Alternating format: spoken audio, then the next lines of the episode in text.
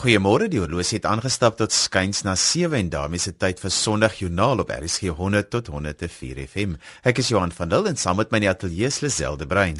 Goeiemôre. Dis Vadersdag vandag en ons wil vir al die paas en oupas wat luister 'n spesiale dag toewens. Ons gesels dan ook nou vandag met 'n paar mans oor pa wees, maar hierdie week het ons ook 'n fokus op gestremdheid. So ons gesels met Morney van der Merwe wat 'n blinde oralis is op Woester by die Katolieke Kerk. Ewald van Rensburg kom ding saam met ons oor pa wees en ons gesels met Dr Michael Mul oor gesondheid en Michael King van the Well Ministries oor pa wees. Gilma Stander gesels later met Christo Foster.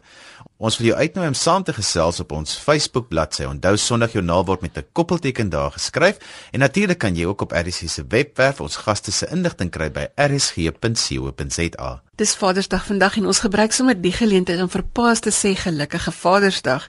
Hier by ons in die ateljee is Donie Ewald van Rensburg. Nou hy skryf gereeld in die ligtydskrif oor gesinsake en vanoggend gesels ons 'n bietjie oor die hart van pa wees uit die woord. Goeiemôre Ewald. Môre Lisel. Wil die woord Vader of Pa kry ons uit die Bybel uit. Ja, ja, nee, dit is die hele Bybel vol. Eh, Jesus het nie vir niks vir ons gesê dat ons vir God Vader kan noem nie. So God was eers 'n Vader voor daar enigiets anderste vaders was. So ek dink al ons voorbeelde wat ons kry is eintlik maar dit uit die Bybel uit en dat ons as paas kyk na die ander groot pa om vir ons te help daarmee die wêreld is so besig, paas is besig. Gesinne ly daaronder, paas is nie by die huis nie, al hierdie tipe van dinge die afwesige pa. Ons wil vandag prakties uitkom by die hart van pa wees en by jou hoor. Hoe moet ons oor hierdie saak dink? Wat sê ons vir paas vanoggend? Hoe is jy 'n goeie pa? Ek dink die groot woord ek graag gebruik is goed genoeg weet uh, wees kan nou varieer wat is goed en wat is dit maar goed genoeg wees net goed genoeg en in binne in jou situasie. Want ek wil baie ouens het, het, het vol lewens maar deesdae die, die kinders het ook vol lewens wil 'n kind se lewe deesdae is so vol met met met goedjies wat hulle elke selfs na die skool moet doen. So dat soms om net by mekaar uit te kom is 'n moeilike ding maar ek sê hulle kry net iewers kwaliteit tyd saam met jou kind. En en sit dit in jou foon of waar ook al jy 'n dagboek het doen dit. Sit 'n reminder vir jou en maak tyd met jou kind. Jy moet dit nie doen. Sal. So Eva, die feit dat jy as pa met jou kind tyd spandeer, maak jy nie 'n swakkeling nie. Jy kan nie alles vir ma los nie. Nee nee, glad nie. Jy en onthou jy het 'n ander rol wat jy wil speel. Uh, dis belangrik jy het 'n ander rol, jy het 'n ander soort voorbeeld wat jy gaan stel. En kinders kyk na jou vir ander goeters. So ek bedoel ons onthou ek sal dit pa se ma se partnerships. Hulle hulle is in 'n vennootskap met mekaar en hulle moet dit onthou ook. So as 'n pa sal ek al dit sê is, die belangrikste is wees 'n voorbeeld. Hulle kyk op na jou. So wees in alles wat jy is 'n voorbeeld. Soos jy weet uh, Albert Schweitzer het gesê 'n kind leer net op drie maniere. Deur jou voorbeeld, tweedens deur jou voorbeeld en derdens deur jou voorbeeld. Dis dis eenvoudig so dit. So onthou net hulle kyk na jou. En ook die tye wat jy dink hulle nie kyk nie, kyk hulle na jou. En hulle hulle volg die dinge wat jy doen, volg hulle. En daarom vir my is as ek vir jou kan vat na na 'n skrifgedeelte wat my baie help. Want ons sê ah, altyd jy weet kinders moet aan jou gehoorsaam wees. Maar dan sê sê Paulus ook dit as daar 'n voorwaarde amper. Dis jy moet as pa moet onthou en dis 'n wonderlike stuk in, in Kolossense 3 eh, vers 20 eh, staan daar. Kinders, wees in alles aan julle ouers gehoorsaam want die Here verlang dit wat kinders wat aan hom glo. Dan sê hy: Vaders, Moenie gedurig by julle kinders fout soek dat hulle moedeloos word nie. Wel dit is dit is een van die groot goed in die lewe en en dan die boodskap vertaal dit pragtig vir my. Hulle sê volgende. Hulle sê Paas moenie te veel druk op julle kinders sit nie. Net nou verloor hulle moed omdat hulle voel dat julle nooit tevrede is nie.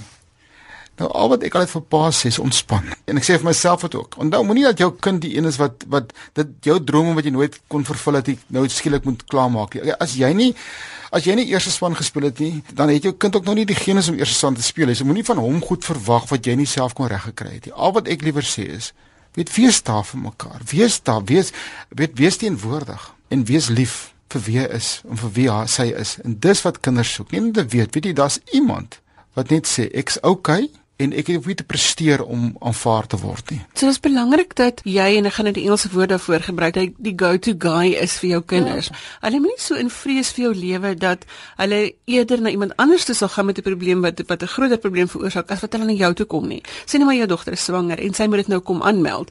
Dan moet jou verhouding met jou dogter van so 'n aard wees dat sy veilig is by jou, dat sy dit sal kom sê. Daar is geen twyfel in dieselfde en ek wil die veiligheid begin eintlik al vroeg So nou dis 'n verhouding wat oor jare gebou word. Oor jare, maar ek wil uh, moet nou nie vir die ouens wat nou luister en sê, "O, wel ek het ek het dit nie gedoen nie." Uh dan sê ek altyd daai Chinese spreekwoord wat sê, jy weet, die beste tyd om 'n boom te plant is 20 jaar terug. Die tweede beste een is nou. So daar's da nooit te laat nie, maar ek wil net sê Dit is 'n kwessie van om belê en belê in jou kind. En omdat jy nie hierdie hom moedeloos maak, jy sal 'n dogter na jou toe kom as hy in die moeilikheid is. Sal 'n seun na jou toe kom as hy in die moeilikheid is omdat hulle weet, hulle het nie nodig om pa te vrees nie, want jy het jy het op 'n ander manier na hulle gelewe. Jy het nie met vrees na hulle toe gekom nie. Jy het nie vir hulle gesê as jy dit moet gaan jy, maar jy het gesê, weet jy, ek het jou lief onvoorwaardelik. Ehm um, jy's altyd welkom by die huis. Jy mag kollekteer oproepe in my en jou jare. Nou please call me. Hulle kan dit maar doen omdat daar oop deur is en 'n oop oor is vir hulle. Dis wat ek dink net. 'n Kind moet net weet, weet jy, hy kan by, by pa instap en pa sal luister. Ewald het nou vir ons 'n lekker voorbeeld gegee uit die woord uit wat die woord sê hoe pa moes optree. Mm. Kom ons gee so een of twee of drie praktiese goed vir pa's as ons nou sê van hier af vorentoe is dit wat jy moet doen vir jou kinders. Kom ons herhaal wat ek net gesê het. Is is is eerstens as jy sê jy wees die go-to guy, dan wil ek amper sê wees die fun guy ook. Dink goed uit wat wat van goed is om saam met jou kinders te doen. Want onthou, jy is besig om dan herinneringe te skep wat eendag gaan na kyk terugkyk en sê weet jy dit was oomblik wat ons saam met pa gehad het. Die ander ding wat ek altyd wil sê is uh, die is is om wees onvoorwaardelik. Met ander woorde moenie altyd voorwaardes stel vir jou liefde nie. Gee soos wat jy van die Vader ontvang, van God ontvang, wees jy ook so vir jou kind. So dan as as jy goed gee vir jou kind, moenie terug goed terugverwag nie. Want hoekom moet jy terugverwag? Dan die ander ding wat ek altyd sê is jy weet, as jy die pret ou is, dan sê ek prakties verras hulle ook. Verras hulle met ander goeders. Verras hulle met liefde. As jy iewers weg was, beplan as jy terugkom dat daar verrassings is. Soos wat die Here ons verras, verras hulle. So dis dis eintlik nie sulke groot goed nie. Ek wil amper sê weet die goed wat paas moet doen is nie Steven Spielberg special effects tipe goeders nie. Dis eintlik eenvoudige goed om om lief te wees, om te luister. Ehm um, om soms jou favourite kos te maak saam met hulle. En as ons sê verras, beteken dit nie ons sê koop 'n groot geskenk nie. Nee, asseblief nie. Asseblief nie. Nee, nie groot geskenke nie. Ehm um, dan koop dan dan as jy weer by omkoop. Jy gaan vir klein goedjies. Want dan kan jy hulle verras elke keer. Anders as jy met groot goed begin, dan dan eindig dit waar eindig dit. Maar ek sien net wees net daar dat hulle weet, weet jy hierdie pa is 'n great ou om mee saam te wees. En jy gee van jouself. Gee jouself. Dis wat hulle wil. Hulle wil niks anders hê nie, hulle wil jouself hê. So ek sê Byvoorbeeld, vir seun as jy wil gaan rugby kyk, gaan kyk rugby saam met vir jou dogter. Ek dink dis 'n belangrike ding 'n dogter leer in elk geval by by jou pa hoe 'n man eintlik moet wees. So, neem jou dogter uit vir ete. Laat sy dan nou grand aantrek en jy trek aan en julle gaan saam uit iewers heen. Dis die tipe goed wat 'n pa doen, want dan op die einde sê 'n voorbeeld. Ewald baie dankie dat jy vanoggend by ons gekuier het. Jou praktiese raad gaan vir ons lekker inspireer hierdie week. Baie dankie hoor. Jy luister na Sondagjoernaal net hier op RSG 100 tot 104 FM en wêreldwyd by rsg.co.za. Gilma Stander is volgende aan die woord. Optimisme is die geloof wat jou lei om jou doel te bereik. Daarsonder kan jy niks bereik nie. En dis die woorde wat ek vrylik vertaal van Helen Keller. En Helen Keller is 'n inspirerende dame. Sy is eintlik 'n ikoon wat op 27 Junie verjaar. En as deel van hierdie viering word die Doof en Blind Bewusmakingsweek gehou. En gedagtig ook aan Vadersdag, gesels ek dan met Christo Foster, 'n pa van 'n tweeling en ook opleier by die Instituut vir Blindes vir Volwassenes. Baie dankie vir jou tyd vandag. Dis 'n groot plesier, Gilma. As jy soms so kan afskop met blindheid en vaderskap, toe mense eers verstaan wat blindheid is en wat die uitdagings daarin is. Hoe sal jy dit beskryf? Ek het nog nooit gedink daaroor wat is dit nie. Ek sê altyd this ook doesn't look so good. Nou, dit kom maar daarop neer. Dit is net 'n kwessie van ek kan nie sien nie. Ek gebruik my hande om te sien en ek kan nie sien nie, maar ek het genoeg visie in die lewe. Dit is die belangrike ding. Ek het al agtergekom daar is 'n ander ervaring wat 'n mens het wanneer jy so tyd saam 'n blinde persoon spandeer want hulle fokus op baie dieper dinge. Vind jy dit? Dis definitief waar. Jy weet een van my vriende het op 'n stadium 'n groot waarheid kwyt geraak. Hy het gesê om blind te wees is nie 'n skande nie, dis soms net 'n bietjie ongerieflik. Ek wil graag kom by die uitdagings wat dit stel. Jy's 'n pa van tweeling. Wat sou jy sê is dit? Weet jy, ek het nie besef dis 'n uitdaging. Ek het ek het dit net eenvoudig ervaar as dis 'n gegewe. Ek het 'n tweeling. En dit vat twee mense om hulle groot te maak. Die groot ding is ek moes my vrou ondersteun en haar help, maar dit was vir my die lekkerste lekker om by hulle groot word en groot maak proses betrokke te wees. Kom kom ek gebruik op vertel 'n paar dinge. Byvoorbeeld, doeke verander. Ek het net so baie doeke geruil soos wat my vrou gedoen het, maar dan moet ek hom ook vir jou sê, ek was baie slim. Ek het baie goed geruik. So as 'n doek vir my effe verdag voorgekom het, het ek nie aan hom gewerk nie. Ek sou 'n nat doek ruil maar niks meer nie. Daar was uitdagings, jy weet, kinders is mos maar kinders. As hulle stout is en jy moet jy moet nou die nodige pak gee. My kinders is nou al groot, so in my tyd het ons nog pak gegee. Het ook al probeer om vir pa weg te hardloop en dan kry hulle dit ook reg, maar die ongeluk is net op 'n stadium. Dan moet hulle mos nou daarom gaan slaap. En dit het ek nou mooi vir hulle vertel toe hulle nou begin verstaan het. En dit nou op ligter toon. Nee, weet jy, ek het dit nie anders ek het nie dit dit snaaks gevind om kinders om te help met hulle grootmaak proses nie. Met hulle die dag tot dag dinge nie want ek is nie gewoond aan iets anders nie. En die, hulle het groot geword met blindheid en hulle het baie vinnig ook geleer pa kan nie sien nie. So as ek vir pa iets wil wys, moet ek dit met die hand vir hom wys. En dit was vir my baie snaaks as ons in die winkel stap. Nou kyk, ek kan my hande nie van 'n rak afhou nie. Ek's 'n baie nuuskierige mens. En my kinders, as hulle 'n ding wou kyk, het hulle hom opgetel en gevat aan hom, want pa doen dit dan. Ek was deur die genade van bo dink ek kan ek met eerlikheid sê ek was nie 'n ander tipe pa as wat 'n siende pa vir 'n kind sou wees nie. Ek bedoel ek was betrokke by my kinders se sport. Ek het ek was altyd daar as daar rugby gespeel is of as as my dogter netbal speel. Die uitdagings was daar seker, maar dit was vir my nie 'n probleem nie want ek is blind soos ek al vir jou gesê het, ek is blind gebore. En ek het geleer om uitdagings te hanteer. 'n Uitdaging is nie vir my 'n obstakel nie. Dis net nog iets wat ek moet afhandel. Maar hoe weet jy hoe lyk jou kinders? Weet jy? Dis dis 'n goeie vraag. Ek weet hoe lank is my kinders, ek weet hoe groot is my kinders. Ehm um, ek weet watter kleur hare hulle veronderstel is om te hê, want my dogter kleur haar hare of het haar hare gekleur so. Hulle is al twee uh, skakerings van blond. Hoe hulle lyk? Ja, dis jammer dat ek hulle nie kan sien nie want ek hoor ek hoor die mense sê nogal vir my ek het mooi kinders. Nou dit kon ek nou nie waardeer nie. Maar ek kan hulle persoonlikheid waardeer. En vir my lê wat ek van mense dink, hoe ek mense ervaar in die in die algemeen lê in die persoonlikheid. Ek sal natuurlik as ek en my vrou iewers is en ons ons ontmoet mense of ons sien iemand op TV, sal ek vra, "Hoor, hoe lyk daai persoon?" Wat het kleure hare het hy of sy? Is hoe hulle aangetrek, daai tipe ding. En dan kan ek dit dalk vergeet sommer dadelik, maar die die feit is, dit gee vir my die geleentheid om 'n idee te vorm van die persoon. En ek het al baie vir mense gesê en ek ek, ek doen dit nooit doelbewus nie, maar ek skep 'n idee vir myself. As ek met iemand praat, dan skep ek 'n idee van hoe lyk daai persoon. Ek dink by myself, Hierdie een het het blonde hare, blou oë en so aan. En baie dikwels is ek reg. As ek so ver kom om vir iemand te sê, dis wat ek gedink het. Maar ek deel normaalweg nie daai inligting met mense nie. Jy is nou betrokke by die instituut as opleier. Is dit belangrik uh, vir jou om mense op te som en uh, vir hulle te leer hoe om te praat en is dit 'n moeilike proses? Kom vir my baie natuurlik, maar dis ongelooflik belangrik. Ek moet weet met wie ek werk en ek praat nie van ek moet 'n persoon leer ken op 'n vlak van ehm um, ek ken sy naam en ek ek weet hy's blind en hy hy het opleiding by my nie. Ek moet sy persoonlikheid leer ken. Ek het al baie gehoor dat studente onder mekaar praat en dan hoor ek hulle sê jy kan niks van die Foster wegsteek nie. Hy hy weet wat aangaan. De, ek roem nie daar, daarop nie, maar dit is die realiteit. Ek kom baie keer 'n ding oor dat ek in die klas sit en dan skielik besluit ek net om vir vir Jan Piet of Koos 'n vraag te vra. En dan was Jan Piet of Koos glad nie by die klas nie.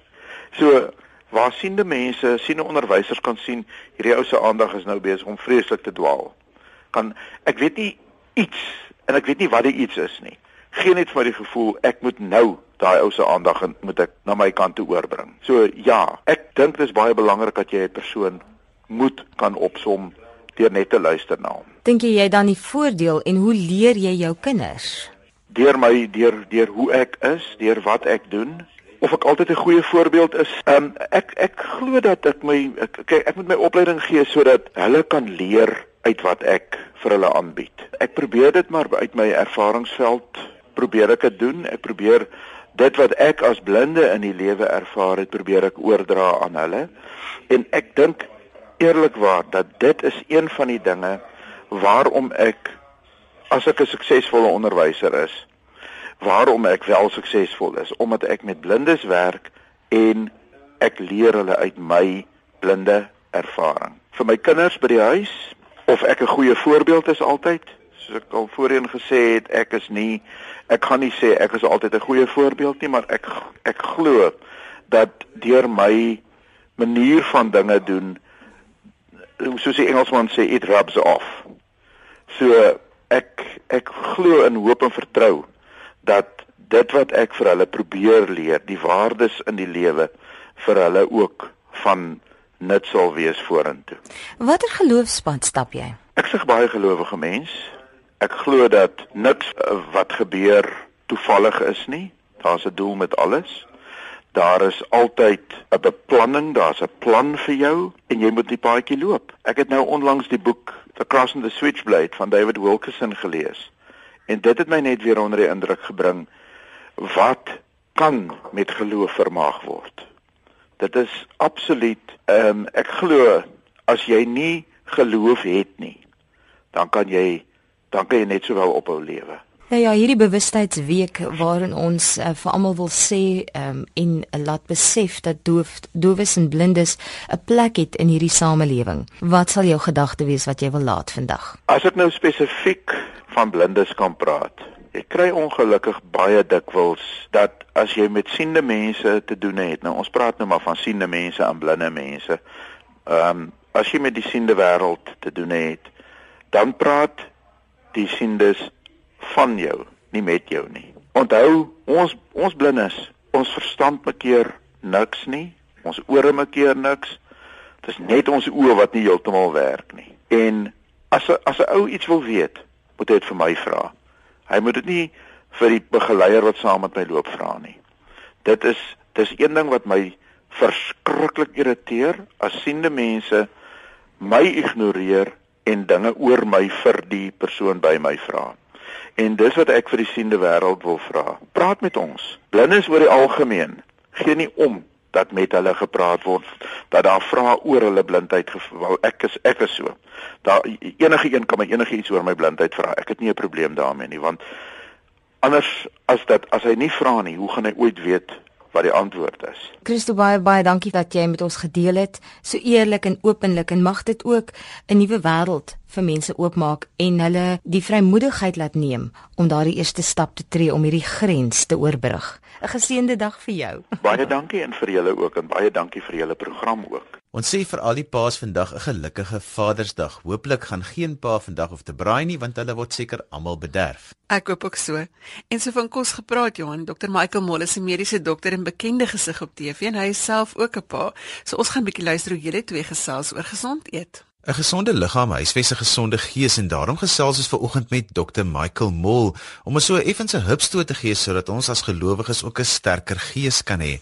Môre Michael. Hallo Johan. Michael, die feit dat ons 'n gesonde liggaam moet hê, val nie sommer uit die lug uit nie. Die Bybel gee vir ons baie duidelike riglyne oor gesond eet. Johan, daar's 'n konsep wat my totale benadering tot gesondheid heeltemal omgeswaai het. En dit is net omdat jy nie siek is nie, beteken nie dat jy gesond is nie. Mense dink net aan hulle welstand as hulle siek is, maar dit is so belangrik om hierdie skei van ons koppe te maak. Die afwesigheid van 'n skeet of pyn beteken nie noodwendig dat jy gesond is nie. Dit beteken net dat jy nie siek is nie. Wanneer dit by gesondheid kom, is dit nie iets wat van selfsprekend gebeur nie, dit verg proaktiewe uitoefening, veral as ons beter en vir langer wil lewe. Ons moet goeie rentmeesters wees van ons gesondheid net soos ons goeie rentmeesters is van ons tyd en ons geld. Indien jy jou gesondheid ignoreer, kan jy verwag dat uitputting en siekte en veroudering vinnig gaan inkruip. Die beste benadering is dus proaktief jou eie welstand na te streef. So kan jy elke God gegeewe hartklop tot sy uiterste geniet. En, en nou mag jy dalk vra wat het dit met eet te doen? Wel, daar is min ander dinge wat 'n groter impak maak op jou gesondheid as wat jy elke dag in jou mond sit. Maak dit vir sommer lekker prakties. Wat beteken dit vir 'n moderne ma of sakevrou of selfs vir 'n besige sakeman wat vir homself moet kos maak? Dis 'n goeie vraag, Johan. As jy verward is oor watter dieet jy moet volg, is jy nie alleen nie. Gereelde verandering en verskillende opinies in voedingswaarde van kinders maak dit moeilik om te weet wat om te glo. Dis makliker om jou inkomstebelasting uit te werk as wat dit is om uit te werk om gesond te eet. Maar die goeie nuus is dat die kernboodskap van gesonde eetgewoontes nie aansienlik verander het oor die afgelope paar dekades nie. Trek die gordyn weg van seisonale beloftes, mooier dinner lyfies en die nuutste detox dieete en jy sit met net 5 kernbeginsels. Eerstens maak jou maag vol met vrugte en groente en onthou, hoe meer verskillende kleure jy bymekaar sit, hoe beter. Tweedens los al die gemorskos en die naam is baie akkuraat, gemorskos. Jy sal nie gemors eet nie, so hoekom besoedel jy jou lyf met iets wat ons gemorskos noem? Geproseserde kosse is vol van ongesonde vette en sout en suiker en dit vernietig jou liggaam. Derdens, beheer jou porsie grootte. Jy kan ook te veel gesonde kos eet. En 'n paar maniere om hiermee te help is deur stadiger te eet of stadig te eet saam met familie en vriende en minder te skep as wat jy voorheen sou. Gebruik klein borde. Gee jou lyf kans om te besef hy het kos in. Vierdens, eet gereeld. Moenie eters oorslaan nie en eet altyd, altyd ontbyt. Begin jou dag verkieslik met proteïen soos eiers of neute. En laastens, eet 'n wye verskeidenheid van regte voedingsstowwe. Wat ek bedoel hiermee is dat jy nie net een tipe gesonde kos soos wortels eet nie, maar ook dat 'n mens probeer om naby as moontlik aan die vars produk te kom, soos uit die grond, soos God dit gemaak het. Soos ek vroeër gesê het, ons wil nie hê dat ons kinders of enigiemand glo dat om gesond te leef, moet jy net seldery stokkies en water inneem nie. Nee. So Michael om saam te vat, wat is ons as gelowiges se verantwoordelikheid om na ons liggaam om te sien? Die Psalme sê regtig dat ons lieflik gewewe is. En as rentmeesters van wat God ons gegee het in hierdie asemrowende liggame, glo ek dis ons verantwoordelikheid om dit met respek en eer te hanteer. En hoe jy eet is nie net jou daaglikse weerspieëling van daardie respek nie, maar ook 'n manier hoe jy jou dankbaarheid vir ons God gegeewe gesondheid toon. Dankie Michael. Michael was effens gespanne want hy is eintlik Engels sprekend, maar ek dink hy het baie goed gedoen met foutlose Afrikaans. Ek en Lisel was vroeër die week op Woester en het gaan kuier by Morney van der Merwe wat by die Pionier drukker werk. Hier is sy storie.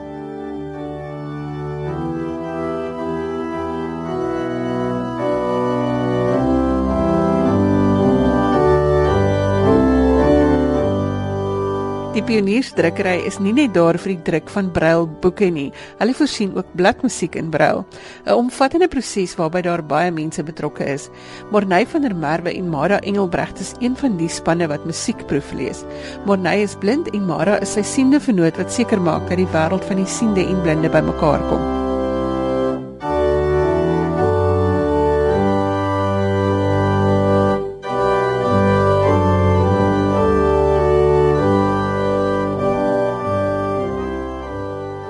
Jy's orrelis by die Katolieke Kerk. Vertel ons daarvan. Goed, ja, my werk by die Katolieke Kerk is dis nou meer kompleks as jou protestantse um liedere. Die Katolieke het mos wat hulle noem 'n missel. Weet, die Sondag word dit gelees wêreldwyd en volgende week word dit gelees wêreldwyd. So hulle liedboek is ook opgedeel. Hulle het 34 Sondae wat hulle noem ordinary time. So dis nou gewone Sondag. Die ander Sondag word opgedeel tussen Advent, Kersfees en Lyding en Paas. So my werk is ek moet weet watter Sondag van die jaar ons in is ten einde uit hulle hymnboek uit die indeks liedere te kan kies wat toepaslik is vir daardie Sondag. So ek moet mooi dop, ek moet die indeks verskriklik goed gebruik en die liedere daarvolgens kies. Waar as ek nou aflos orrelis in die hervormde kerk is die ek vind die liedboek bietjie makliker om te gebruik. Maar omdat die katolieke kerk mos nou internasionaal is, jy moet presies die missel of hulle liturgiese kalender dophou. So ja, dit wat dit het nogal baie gevat, maar ek is nou in die ding in. Morney, jou geloofspad wat jy stap. Vertel ons van jou verhouding met die Here. Ek dink die feit dat ek nie kan sien nie, dat ek nou wel blind is, is ek vertrou makliker en ek glo makliker omdat my ek my vertroue as kind al moes stel op ander en op mense wat my moet lei en so aan en my moet help deur die lewe toe ek nou kind was, het ek opgegroei met die hele idee van my maat my geleer soos ons jou aan jou hand vat en iewers heen help, so vat die Here ook jou handjie en lei jou deur die lewe so jy hoef so jy kan op hom ook vertrou en dit is wat ek deur my hele lewe doen. Um ek vertrou blindelings. Ek huiwer nie oor sy vertroue nie. Ek weet hy's daar. Die feit dat ek nie kan sien nie, het dit vir my makliker gemaak want ek kan nie rondkyk en my vertrou op ander goed dalk sit nie en ek is geleer om te vertrou op hom soos 'n kind. Maar jy werk saam met Morney. Jy is die siende leser van die musiek wat hy moet vertaal. Verduidelik vir ons die pad wat jy saam met hom stap. Dit is eintlik baie interessant want dit is uh, soos hy nou net gesê het 'n vertrouenspad, né? Maar ook baie soos 'n soos 'n mammie wat moet check, jy weet, is is die dinge reg. Dit is gewoonlik iets wat wat vir my belangrik is om iemand anders te kan help waar ek sien hy 'n probleem het. So dit, ek geniet dit om saam met hom te lees en saam met hom te kyk na die goed, maar ook ons verhouding as mens met mekaar, jy weet, is regtig vir ons kosbaar en ons kan baie dinge deel met mekaar en gesels oor probleme in ons lewens en en vir mekaar raad vra en so aan. So ek leer baie by hom en ek hoop hy kan daarom 'n bietjie ietsie by my ook leer. Wat beteken dit vir jou eie geloofspad om saam met iemand te kan werk wat so blindelings moet vertrou? Ja, dit is nogal 'n interessante ene. 'n um, 'n mens vergeet om op jou ander sintuie staat te maak as jy kan sien. Maar dit is vir my vreeslik interessant om byvoorbeeld te sien hoe dat hy goed soos reuke en geluide is vir hom baie skerper as wat dit vir my is. En hy laat vir my besef maar dit is mos ook my gawes wat die Here vir my gegee het en wat wat ek kan gebruik. Want ons ons maak so op ons oë staat jy weet dat jy vergeet van die ander goeters en dit is vir my 'n wonderlike ervaring hier in die in die drukkery uh met die proeflees self maar ook met die menseverhoudings jy weet met die mense wat saam met my hier werk en so aan Ehm um, toe ek hier gekom het, toe skaak my aanvanklik gevra het om te kom help met die proeflees. Toe sê ek vir hom, "Jong, ek kan nie my so vasbind nie want ons uh, gekom ek en my man terug Woester toe vir 'n versoeningsbediening." Toe sê ek vir hom, "Ehm um, ek is so bang ek gaan nou in 'n ander rigting as wat die Here bedoel het wat ek hier moet kom doen, jy weet, en dat ek nou soveel daaraan tyd spandeer dat ek nou nie uitkom by die roeping wat hy vir my het nie. Maar uh toe sê ek, "Oké, okay, kom ons probeer dit nou net. Ons kyk hoe dit werk." In die eerste week wat ek hier gewerk het, het ek by my man teruggekom by die huis en vir hom gesê, "Luister, nou weet ek hoekom moet ek by die drukkery wees. Dis waar die Here my nou wil hê." So dit is vir my belangrik om ook mense rondom jou raak te sien, jy weet, en 'n woordjie van bemoediging te gee of 'n drukkie of 'n gebed vir iemand en en te weet dit die Here gebruik dit. Jy weet dit dit gaan nie net oor die proeflees nie. Ondersteun jou werk hier ook die versoeningsbediening waarmee jy besig is. Ja, absoluut, hoor, absoluut, want ons is mense van verskillende kulture hierso by mekaar. Jy weet, en 'n mens moet leer om met mekaar saam te werk en saam te, met mekaar klaar te kom. So, dit is vir my die prakties daarvan, jy weet, vir elke dag.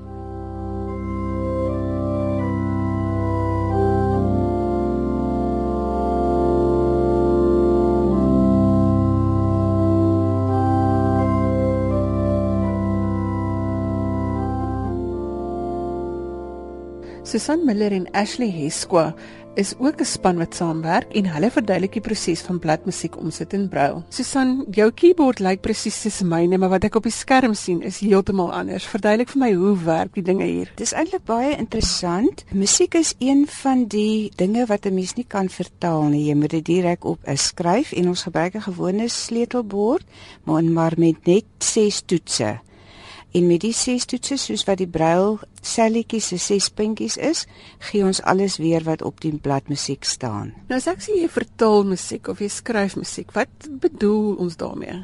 Wel ons met elke liewe drukskrifteken moet weergegee word in die braille sodat die blinde persoon dieselfde beeld kry as wat die siende sou kry van die musiek. Jy het dit nou vir 'n baie lang tyd alleen gedoen, maar nou het jy hulp. Ja, dis reg. Ek nou so 4 jaar gelede het ons vir uh, Ashley gekry wat 'n baie goeie kennis het van sy gewone musiek en baie vinnig het hy die brail bygeleer. Hy was eers vir so 2 jare 'n musiekproefleser en daarna het sy brailopleiding begin as skrywer.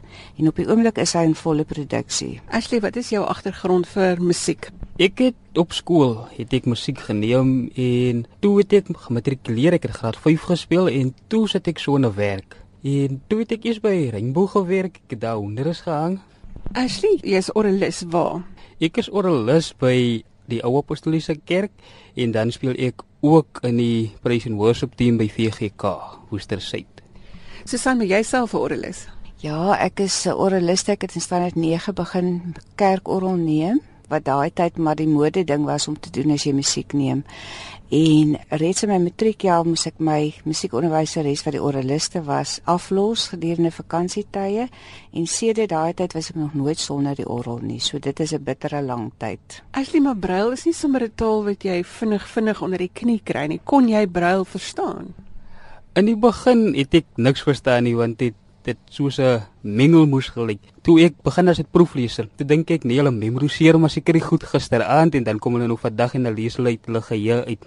Maar toe begin ek met my musiekopleiding en dis waar ek nou Afrikaanse brail begin leer het en toe begin ek met die Engels. Maar soos ek die Engels begin leer het, het ek van die Afrikaanse goed vergeet en dan moet ek weer teruggaan om Afrikaans te leer. Dit in die begin is dit baie moeilik, ja. Dis 'n geloofspad hierdie ding. Vertel ons 'n bietjie van hoe dit mense geloof beïnvloed as jy so met hierdie verskillende tale en hierdie verskillende musiek werk. Ja, dit is baie interessant. Uh ek voel natuurlik dat Ashley se kom hiernatoe was absoluut 'n uh, antwoord op 'n gebed. Gesê ons is natuurlik die enigste produksie eenheid in Afrika wat die braille musiek doen. So dit was 'n groot verantwoordelikheid wat op my skouers gelê het en ek het baie gebid daaroor. Eintlik die algemene werk met die blindes versterk mense geloof baie baie want as jy sien met hoeveel passie hulle leef en hoe ongelooflik uh vrolik die meeste van hulle is so vrolik en hulle omhels die lewe dan voel 'n mens ons wat so alles het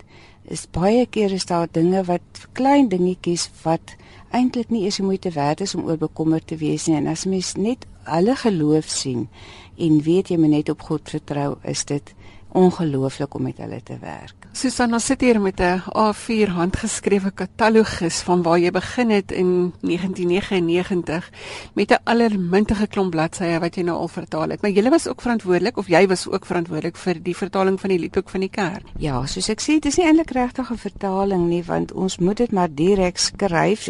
Eh, maar dit was nogal 'n groot taak. Ek was nie vreeslik lank hier nie. Ek het in 99 begin en in 2001 is die liedboek gedoen.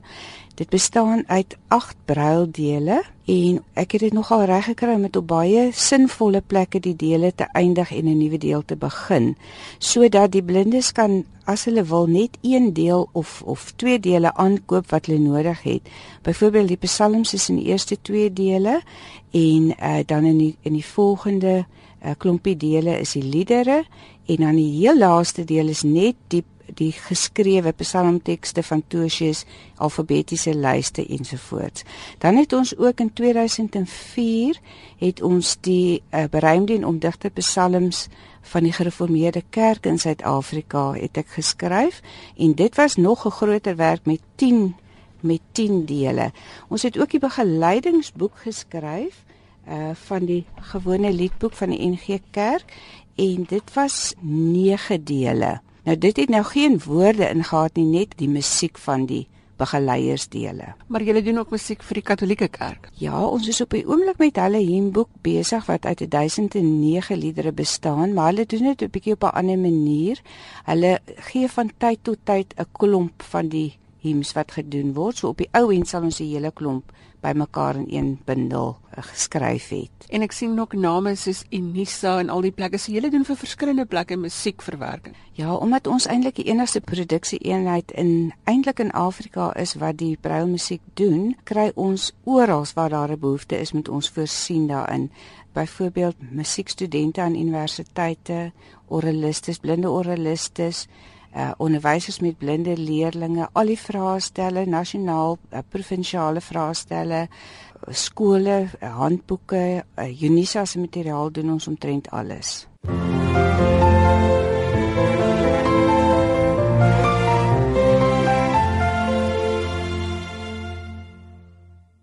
Vra vir Dr. Janie Leroux van Gordons Bay om vir ons op sy kenmerkende maniere 'n bietjie inspirasie vir Vadersdag te gee. Môre Janie? Goeiemôre Lisel. Sy een ding is wat ons kinders en families dringend nodig het. Een ding waaruit alles anders moontlik word, is dit hoop. Iemand wat die rol van 'n vader in kinders se lewe speel, sy grootste bydrae aan nalatenskap in kinders se lewe is om hulle te leer om te leef met hoop. En ons praat nou nie hier van blinde drome of dom ontkenning van werklikhede nie. Hoop is daardie vlam wat die Heilige Gees in jou aansteek as jy glo dat jy saam met God beter kan doen. Hoop is daardie ekstra tree wat jy gee omdat jy glo God kan jou persoonlikheid en passie en talente gebruik om 'n beter lewe vir jou en ander te bring. Hoop is om bereid te wees om te werk en te veg vir 'n beter toekoms. Hoop is om nie jou kind se ideale af te kraak as onrealisties nie, maar saam met hom of haar te droom oor 'n wonderliker toekoms. Nou ons het helde van hoop nodig. Mense wat die rol van 'n vader inneem, vaderfigure, sal ons wêreld vorentoe help as hulle begin dink hoe hulle kan optree om die wêreld 'n beter plek agterlaat. Hoop is om te werk vir wat reg en regverdig is, om te leer om met ander mense saam te werk vir beter drome, om die situasie van swakkeres te verbeter. So hoop is om geleenthede uit te wys en geleenthede te skep. Dis enkele van die voorbeelde wat 'n vaderfiguur kan bring. Vaderfigure moet helde van hoop wees en word. Nou Spreuke 23 vers 18 gee hierdie raad: Moenie afgunstig wees op Sondags nie. Wees altyd ywerig om die Here te dien, dan sal jy 'n toekoms hê en jou hoop sal jou nie ontneem word nie. Nou my diepste hoop vind ek in die feit dat ons Hemelse Vader ons so ontsettend liefhet dat God nie opgee op ons nie en dat die Heilige Gees uitgestort is om vir gelowiges krag te gee vir uitdagings en bovenal om lief te hê. God gee vir ons 'n lewende hoop as ons vir Jesus volg en ons lewe vir hom gee. Dis nie net menslike hoop nie, dis hoop wat die hemel aansteek. Al wat Vader vergeer moet doen is om hoopvol te begin praat. Janie, om saam te vat. Vaderfigure, soek jou hoop by God en word 'n held van hoop wat leef en praat met hoop. So gee jy ons kinders hoop. Baie dankie Janie dat jy vanoggend jou wysheid met ons gedeel het. Ons hoop jy word lekker bederf en vir die week wat voorlê. Dankie. Ek leef ook met hoop. Dit is dan al van ons vandag. Volgende Sondag maak ons weer so. Tot dan van my Liselde Brein. Totsiens.